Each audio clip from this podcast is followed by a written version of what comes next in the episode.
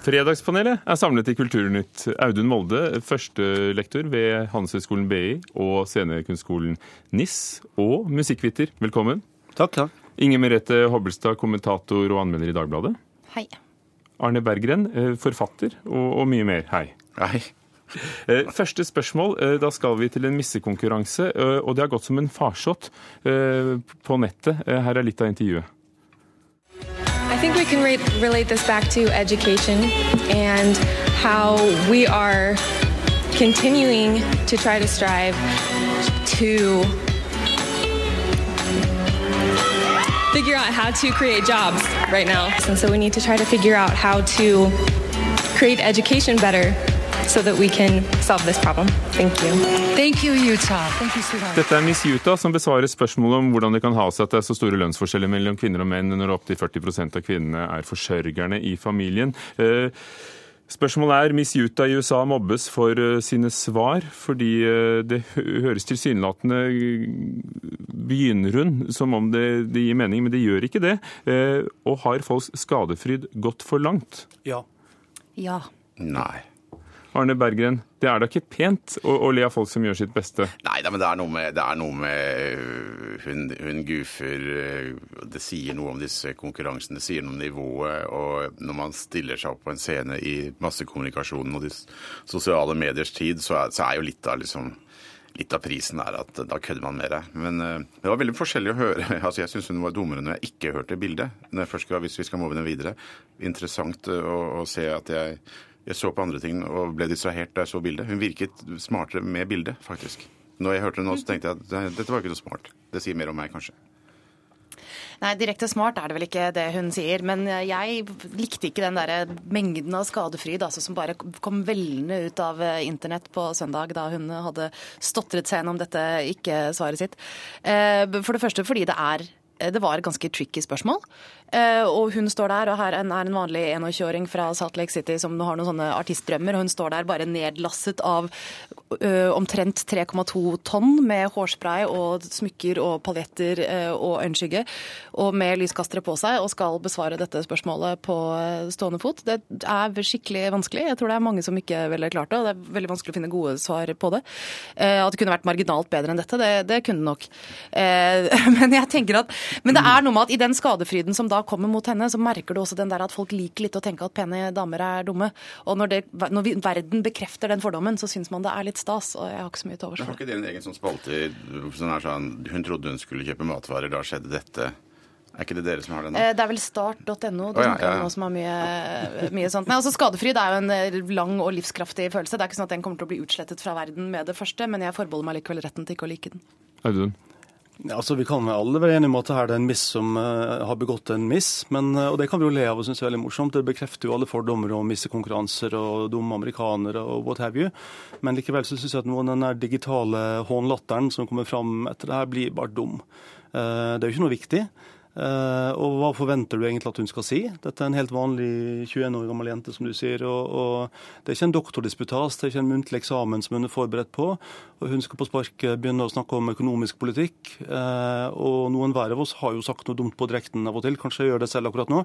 Så jeg syns jo på en måte at eh, selv om dette er dumt, så er det ikke noe å, å lage så mye styr ut av. Og så er det en annen side av saken her også, at de, hun skal jo egentlig Det er jo også noe som gjør hennes oppgave vanskeligere. Hun skal jo egentlig ikke mene noe. Hun blir jo spurt om å mene noe og skal egentlig ikke gjøre det.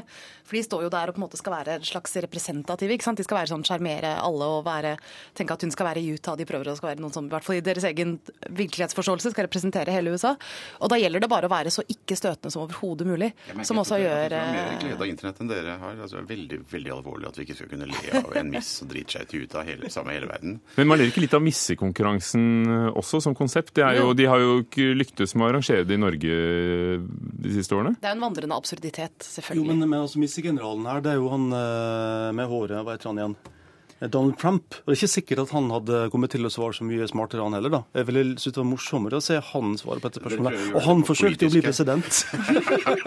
Er det godt TV, Arne Bergen? Du har jo en finger med i TV. Er, Ja, jeg jobber jo på det nivået der. Nei, dette er jo gøy. Det er jo forbanna man deler ting, og der dreit hun seg ut, eller den katten så rar ut. Og det er jo halve moro at man kan dele Eh, det- altså Dere gjør henne mer til et offer med dette her. Jeg er sikker på at du kan le av dette, dette sjæl.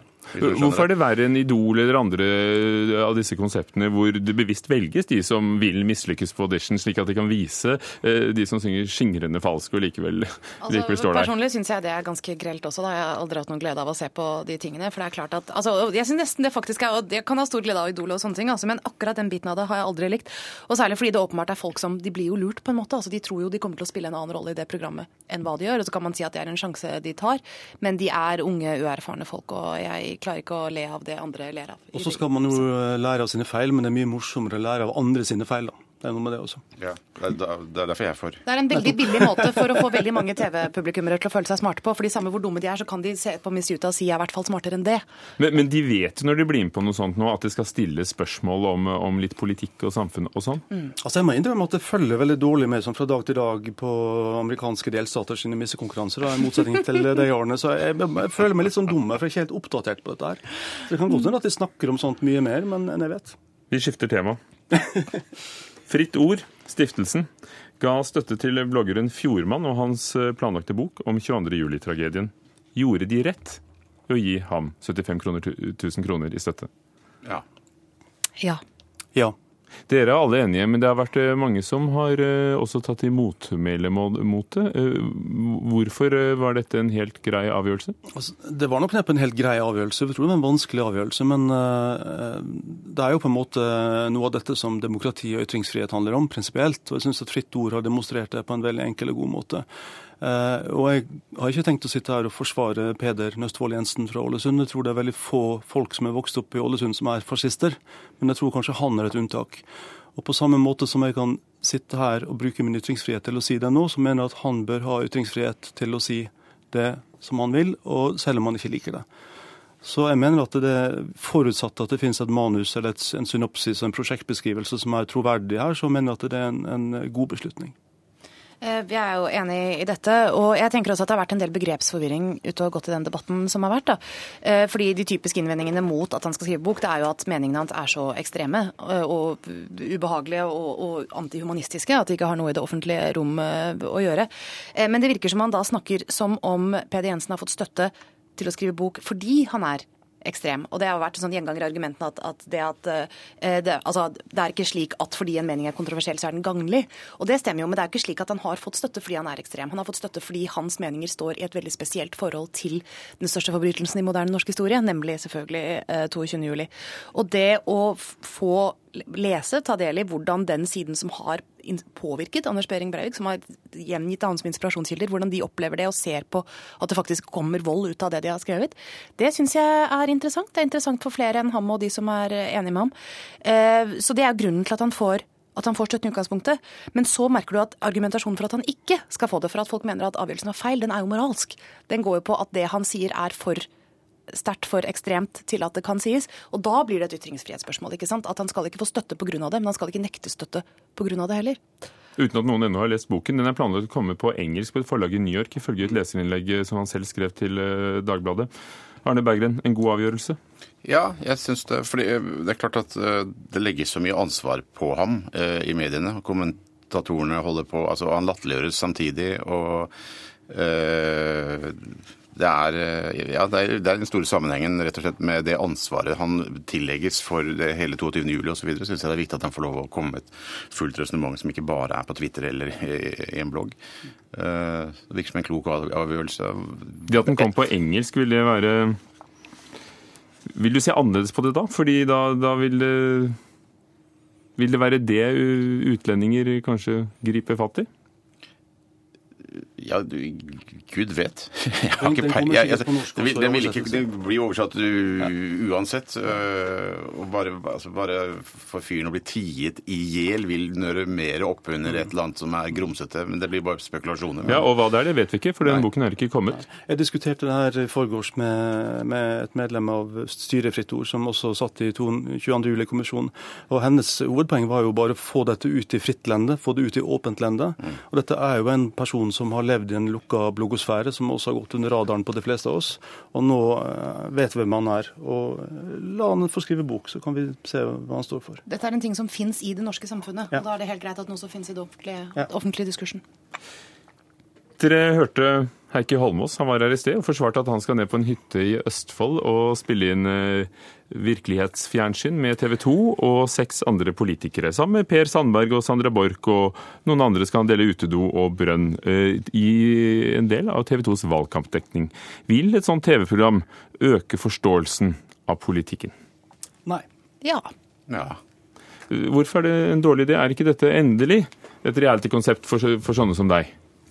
jo, det er sikkert et veldig morsomt program. Det kommer helt an på hva du snakker om, da. Men og i min bransje så har jo dette skjedd nå i, ti år. At uh, man har trodd at rekruttering til musikkbransjen var via sånne programmer på TV og sånn.